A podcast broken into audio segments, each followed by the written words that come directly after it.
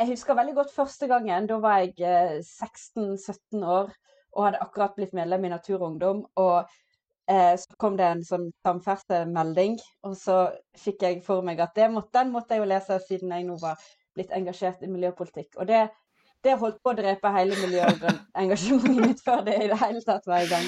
Ja, såpass. Um, ja. Så det er mye, mye, makt i en kjedelig stortingsmelding? ja, kanskje det. Vekst har alltid vært et mål i Norges distriktspolitikk. I sin siste stortingsmelding åpner regjeringen for et scenario der målet for utvikling ikke lenger er vekst, men det gode samfunnet.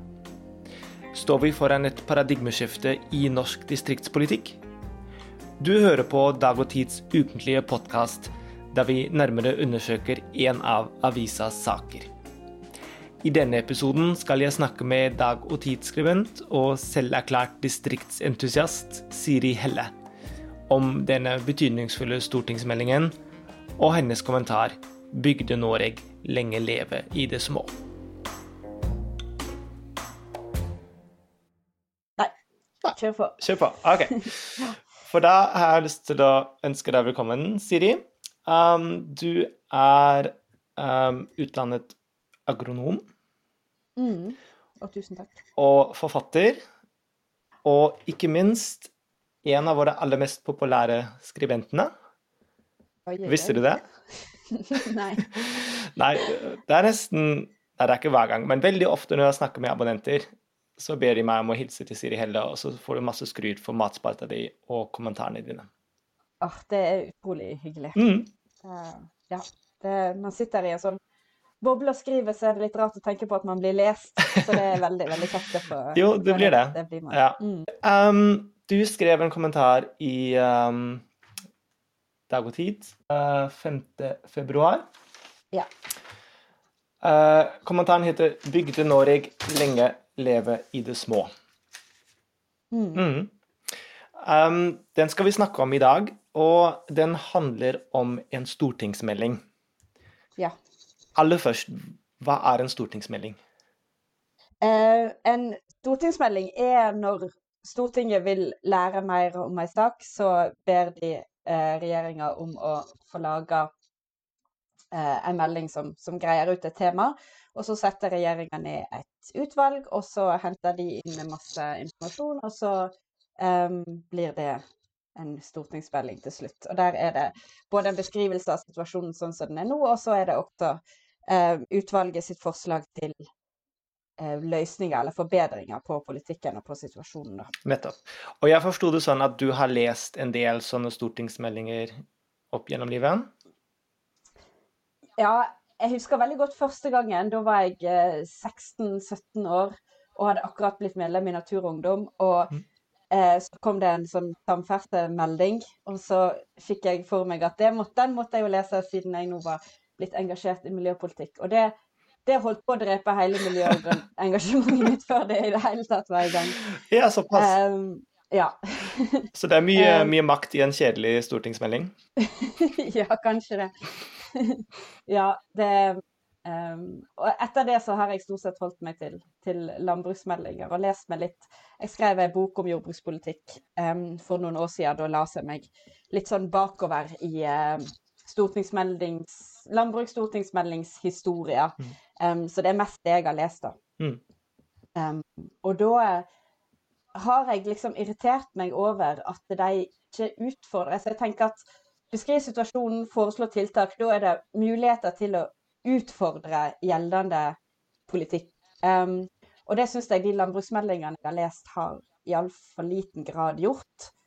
Og derfor var det veldig kjekt å se at denne meldinga, som da handler om distriktspolitikken, gjør det. Ja. Um, hun, um, hun, hun, tør å liksom tenke helt nytt på en, på en annen måte. Ja, for, for, den er annerledes, skriver du. Um, hvordan er den annerledes? gjennom det at den Altså, den utfordrer på en måte noe som, som nesten litt uuttalt har vært premisset for distriktspolitikk, at man skal ha vekst i distriktene for at de skal være vellykka så må de vokse i, i befolkningstall, er det jo gjerne man måler det her, denne veksten i, da. Um, og det går de tidlig ut og sier at nei, men det er kanskje ikke nødvendig. Altså selv, De sier jo f.eks. at um, Distrikts-Norge kommer ikke til å dø, for her bor kommer til å, Selv med de mest pessimistiske anslagene for vekst framover, så kommer det til å bo folk i Distrikts-Norge. Um, og selv om det har blitt færre folk der, eller mindre mange i forhold til byene i Norge, um, så har de som, vært, de som er her, de har det bra. Og um, kanskje kan de få lov å fortsette å ha det uten å måtte ha det kravet på seg til å vokse, da. Kanskje er ikke det nødvendig. Um, kanskje kan man tenke, tenke distriktspolitikken og målet for distriktspolitikken annerledes. At det, det, kan være mer ikke konserverende nødvendigvis, men at man kan få lov å, å være der man er, og den mengda folk man er der, og så ha det bra med det. Så det er egentlig kan man si et paradigmeskifte, at vi går bort fra å måle suksess i vekst? Mm. At man iallfall de åpner for det som en mulighet, da, å måle, å måle suksess mer i trivsel enn i uh, vekst. Mm. Og så er det jo det er jo ikke sånn at man bare skal um, Den er heller ikke sånn at den bare skjønnmaler og sier at alt er bra, og, og fordi vi går vekk fra det vekst, så, så, så, skal man bare si at vi skal ha alt sånt som det er. Folk må jo fortsatt flykt, flytte fra byen til bygda um, for at man ikke skal få fullstendig forgubbing. Um, men, men, um, men, kanskje blir det òg lettere hvis man er litt mer avslappa i forhold til akkurat tallet på folk som gjør det. da. At ja, det er litt som Noe som jeg òg har savna i jordbrukspolitikk, mye politikk egentlig, å se mer på kvalitet og mindre på kvantitet.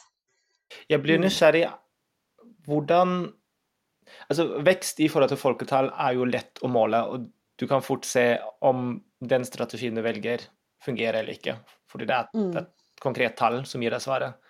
Mm. Når du snakker om livskvalitet, trivsel, hvordan mm. skal vi måle det? Hvordan vet vi om vi er på rett vei da? Ja, det er jo det er et godt spørsmål. Um, man gjør jo sånne, sånne undersøkelser på det, hvor, hvordan folk har det. og um, det er jo altså blant, bare, også internasjonalt det er jo de målingene som Norge vinner så ofte, hvor verdens beste land å bo i, og hvor man, er, hvor man har det best. og um, og sånn, og så, Men så måler jo også KS måler jo kvaliteter på, på, offentlige tjenester. Hvor gode skoler man har, hvor gode bibliotek man har. Um, hvor, hvor, fornøyde innbyggerne er med, er med tjenestene. I, det er jo ett mål på hvor bra man har det.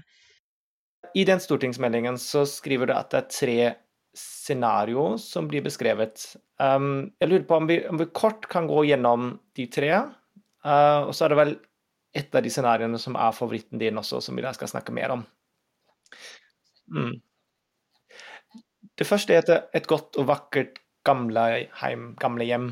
Hva, hva betyr det?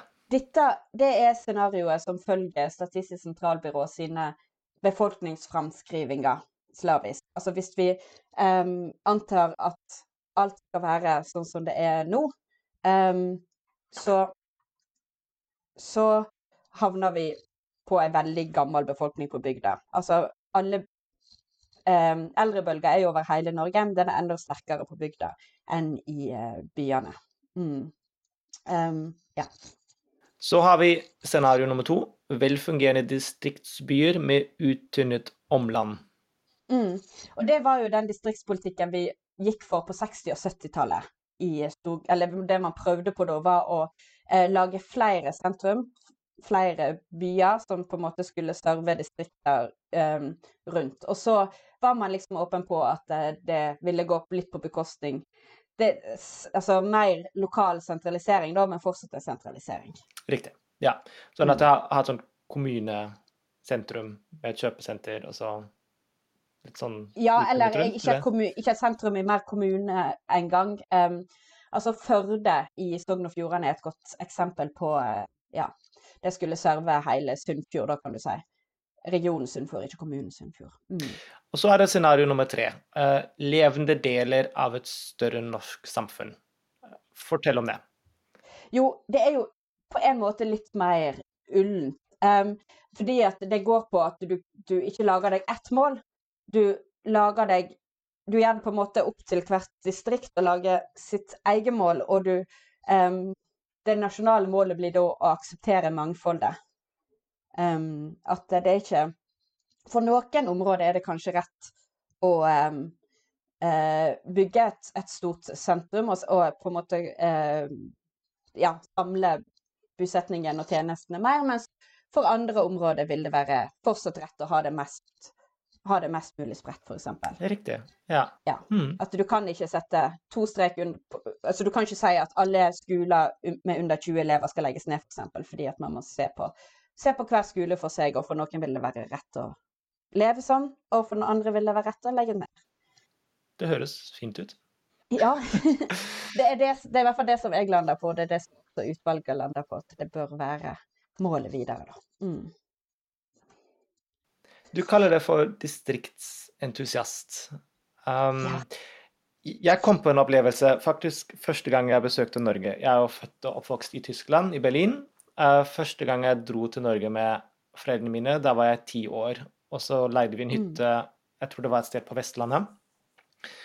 Um, og så så jeg en liten øy med to hus, og så var det en bro til den øya. Og selv om jeg da som tiåring ikke visste noe som helst om distriktspolitikk eller samfunnsøkonomi, så slo det meg at noen hadde bygd en bro, og at, det, liksom, at de to husene skulle stå der, at noen kunne bo der, var så viktig for dem at noen brukte penger på den broa. Ja. Um, er det en verdi i Norge å ta vare på distriktene, og hvorfor? Ja, det er jo Det er jo Vi har jo gjort det i større grad enn våre naboland, Sverige og Danmark f.eks. Um, så har man jo i Norge både brukt mer energi på og hatt det som et politisk mål, og lykkes, de får lykkes bedre i å bevare distriktene veldig lenge.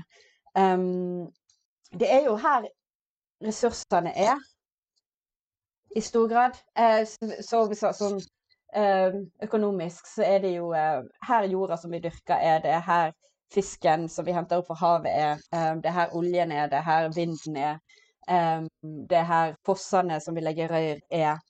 Um, så det å ha folk som bor i nærheten av de ressursene som, som, vi også, tenker jeg, i et grønt skifte skal gjøre oss enda mer avhengig av, nå når vi ikke skal bare ha ei stor næring, men flere små, blir det enda viktigere å ha folk der de ressursene er. Um, og det å ha folk som bor oppi det hver dag, har uh, helt andre Altså, det er um, Det gir en annen nærhet til hvordan vi forvalter det òg, tror jeg. At vi er tryggere da enn om vi um, bare forvalter noe som er langt vekke fra oss alle. Og òg sånn som for reiselivet så har det jo um, en funksjon at uh, det er i hvert fall mange som påpeker det at det å komme til, til Norge og se at den, det, fantastiske er natur, og det er en aktiv natur som folk bor i, og som det er liv i, liksom.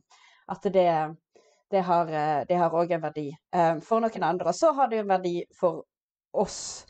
Um, det er jo det jeg akkurat har, eller er i ferd med, og jeg flytta jo hjem til heimbygda mi for et drøyt år siden. Um, og jeg, er, er liksom veldig forelska i mine egne røtter for tida og syns at de er fantastiske å kjenne på og, og ha rundt seg. Um, og òg i alle mulighetene som finnes her i ei lita bygd med 300 innbyggere og ingen butikker. Uh, men uh, masse flotte folk og masse natur og masse skapermuligheter og ja. Mm, det er verdt å ta vare på for, for veldig mange, tror jeg. Ja, mm. Så det blir en, en, personlig erfaring for deg også, fordi du flyttet hjem til, til hjembygda di? Ja. Noe som jo faktisk mange gjør. Um, i, I Holmedal er det For når jeg flytta ut da, for en 15-20 år siden, um, så tror jeg det var ingen som hadde trodd at det var såpass mange av min generasjon som kom til å flytte hjem igjen, som det, det, det faktisk har blitt. Så det um, ønsket er der. De har gjort det helt frivillig. Ja, og det, sånn som jeg har forstått det, så er det også det som skal til um, for, å, for, å, oppnå rette scenario nummer tre. Um, vi må få folk, noen folk til å flytte fra byene til bygda. Og så skriver vel de i stortingsmelding og du i kommentaren din om ulike måter å gjøre det på. Um, én måte som du har tro på, det er utdanningslokalisering. Hvorfor tror du det fungerer? Fordi at det er veldig definerende år, de årene man utdanner seg. Og vi gjør det jo over stadig lengre tid òg, sånn at eh, det blir For mange så blir det også de årene man stifter familie. Um, og da tenker jeg at hvor man er de åra, har mye å si for hvor man blir værende resten av livet. Um, og ja, altså vi flytter jo mer nå enn vi gjorde før, men vi er fortsatt ganske behagelige av oss, vi mennesker. At vi, vi eh, river ikke oss opp med rota hvis vi, hvis vi ikke må. Hvis vi har det greit der vi er, trives i lokalmiljøet, og så tror jeg, altså, som jeg skriver i kommentaren, at det her um, det viktigste for at jeg skal flytte hjem, er at det er jobber som er relevant for utdanninga mi. Så tror jeg det relevantbegrepet er større enn vi egentlig er klar over. At uh, hvis vi trives en plass, så strekker vi oss litt lenger for uh, hva jobb vi aksepterer. Du nevner eksempelet Sogn jord- og hagebruksskole i Aurdal. Aurland, ja. Nå er jo det en, en type skole som jeg vil tro tiltrekker seg folk som fra før er åpent for å bo landlig.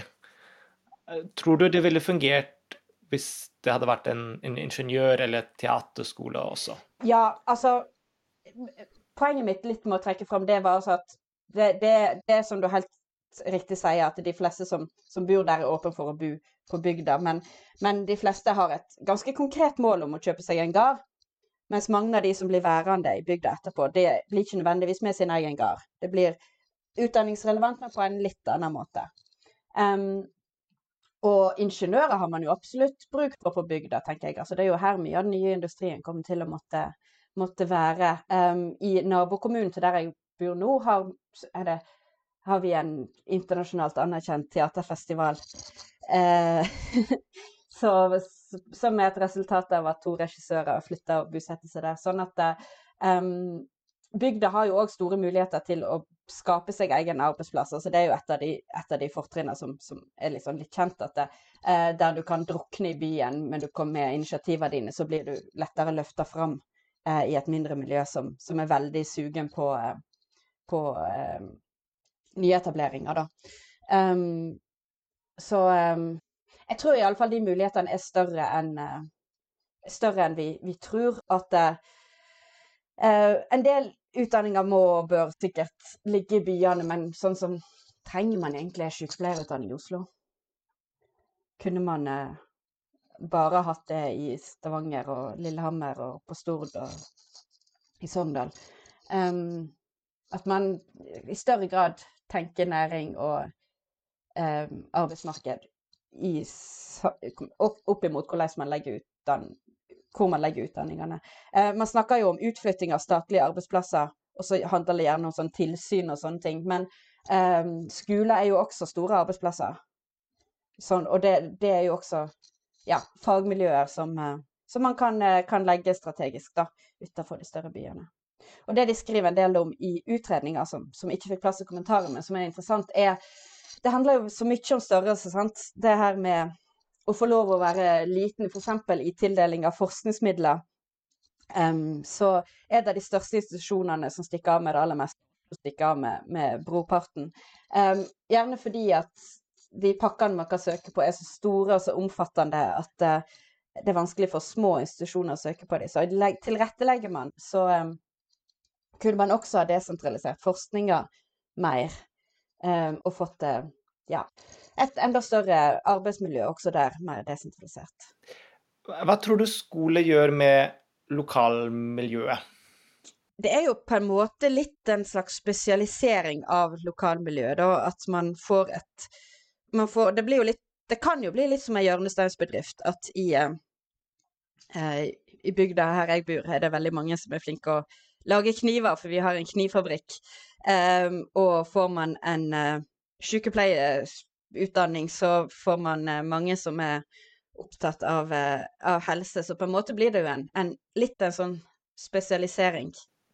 Da jeg leste kommentaren din, Så, og spesielt den delen hvor, hvor, du skriver at trives man et sted, så kan man godt um, bestemme seg for å bo der.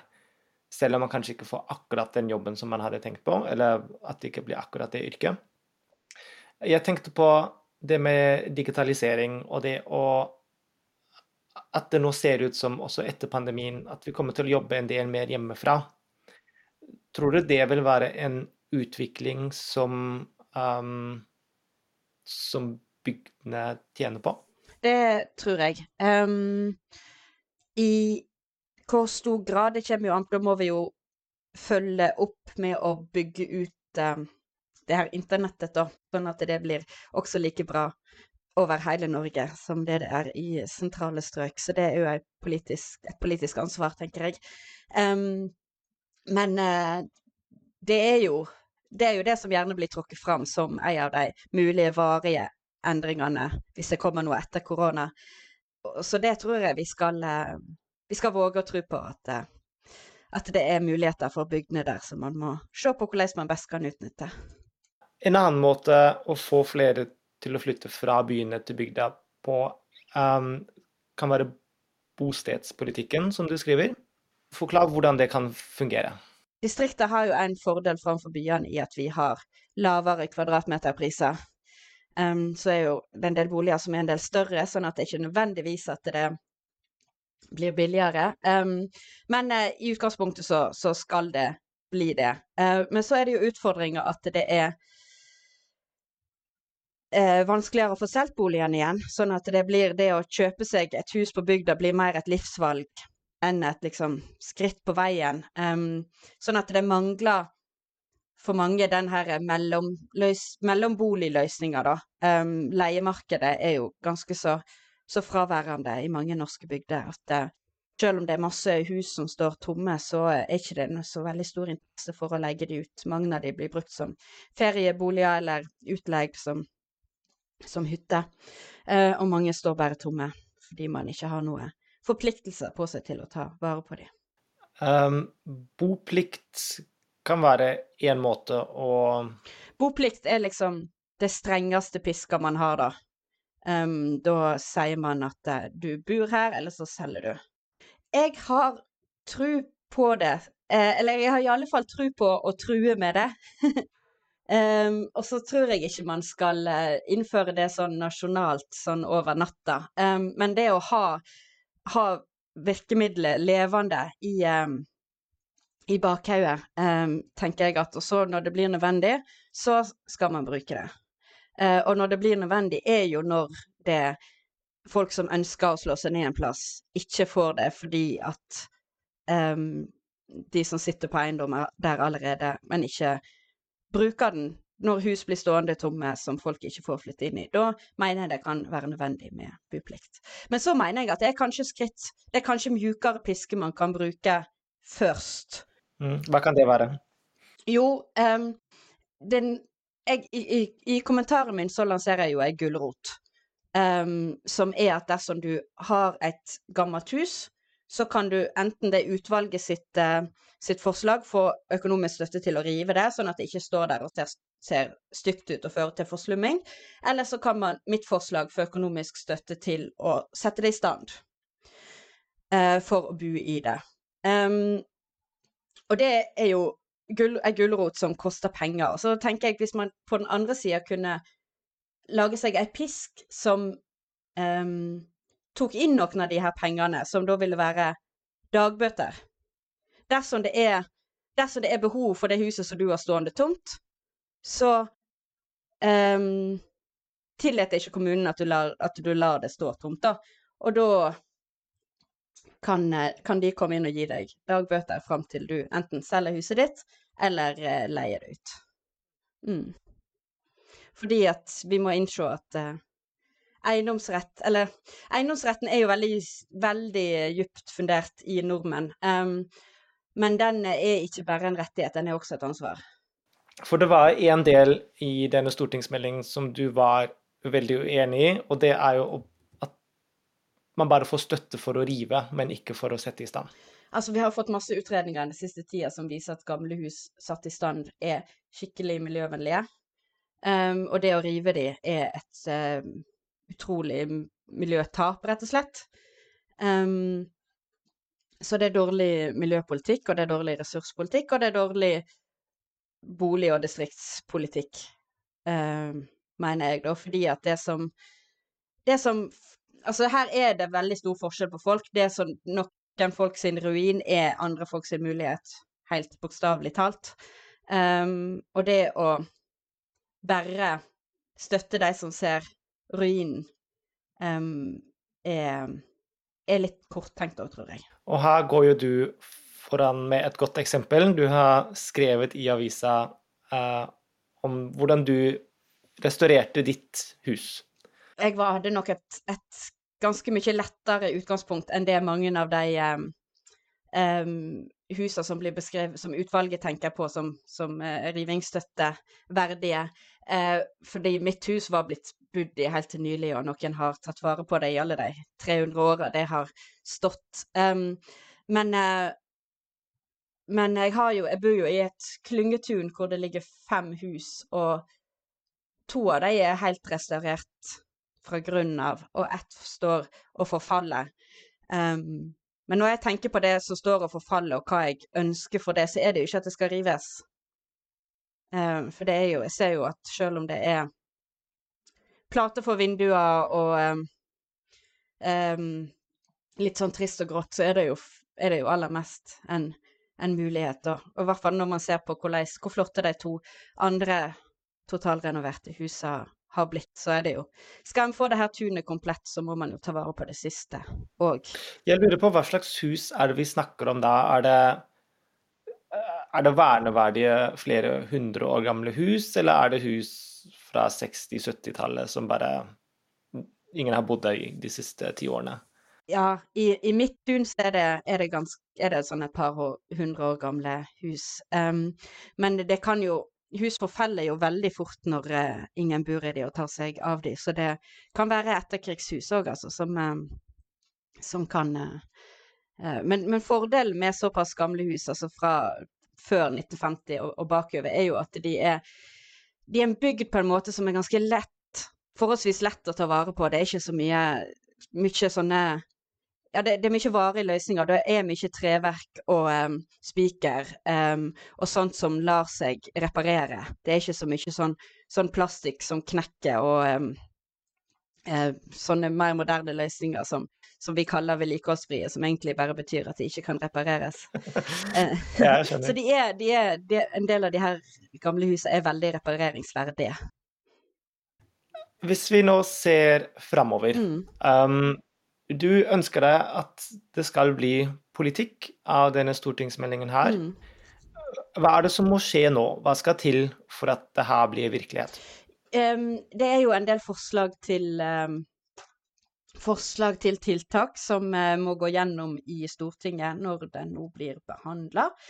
Om den nå nettopp har blitt det, er jeg egentlig litt usikker på. Men uh, prøveordninger da gjerne, for å se om det fungerer. Blant annet uh, billig eller gratis barnehage og SFO, og det her eh, rivningstilskuddet, eh, skattefritak for å stimulere ut, for utleieboliger, eh, forsøk med begrensa førerkort for 16-åringer. Her er på en måte både store og små tiltak som, som, som kan vedtakes settes i, uh, ut i livet allerede med en gang, da. Mm. Og så er det jo det større strukturelle tinga som ligger bak, som er, er, vanskeligere å bare vedta sånn. Det må man på en måte ha med seg i alt man gjør, da. For det er jo distriktspolitikk er jo næringspolitikk, og det er helsepolitikk, og det er skolepolitikk, og det er på masse, masse ulike felt. Men det å, å, å, få en definert målsetting at det, det er, vi setter kvalitet over kvantitet i distriktspolitikken, um, er jo ei, ei ganske konkret retningslinje å gå etter. Mm. Nei, jeg kjenner jeg blir glad når vi snakker om det. Det høres, høres riktig ut. Hvis du nå skulle, skulle drømme, og um, uten å se noen begrensninger, hvordan vil du som distriktsentusiast uh, hvordan vil du at Norge skal se ut om 20-30 år? Jeg vil at det skal være like naturlig å vurdere et liv på bygda som et liv i byen. At de kvalitetene vi har her, skal være like allment kjent som de urbane, mer urbane kvalitetene.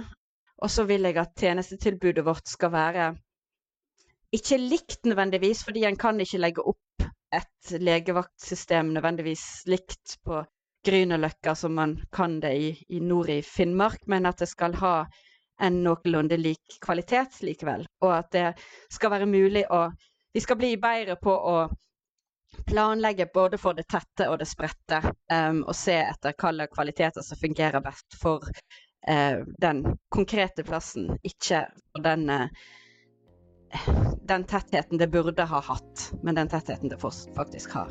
Mm. Det er en fin drøm. Mm. Siri Helle, tusen takk for at du var med oss i dag. Du hørte på Dag og Tid-podkasten. I studio var jeg Gregor Falkner, og det var Ida Palin og jeg som tok oss av redigeringen. Har du noen tanker om framtidens distriktspolitikk? Eller har du tilbakemeldinger på podkasten vår? Uansett vil vi gjerne høre fra deg skriv gjerne en e-post til gregor.dagotid.no. Vi er tilbake neste uke. Takk for at du lyttet.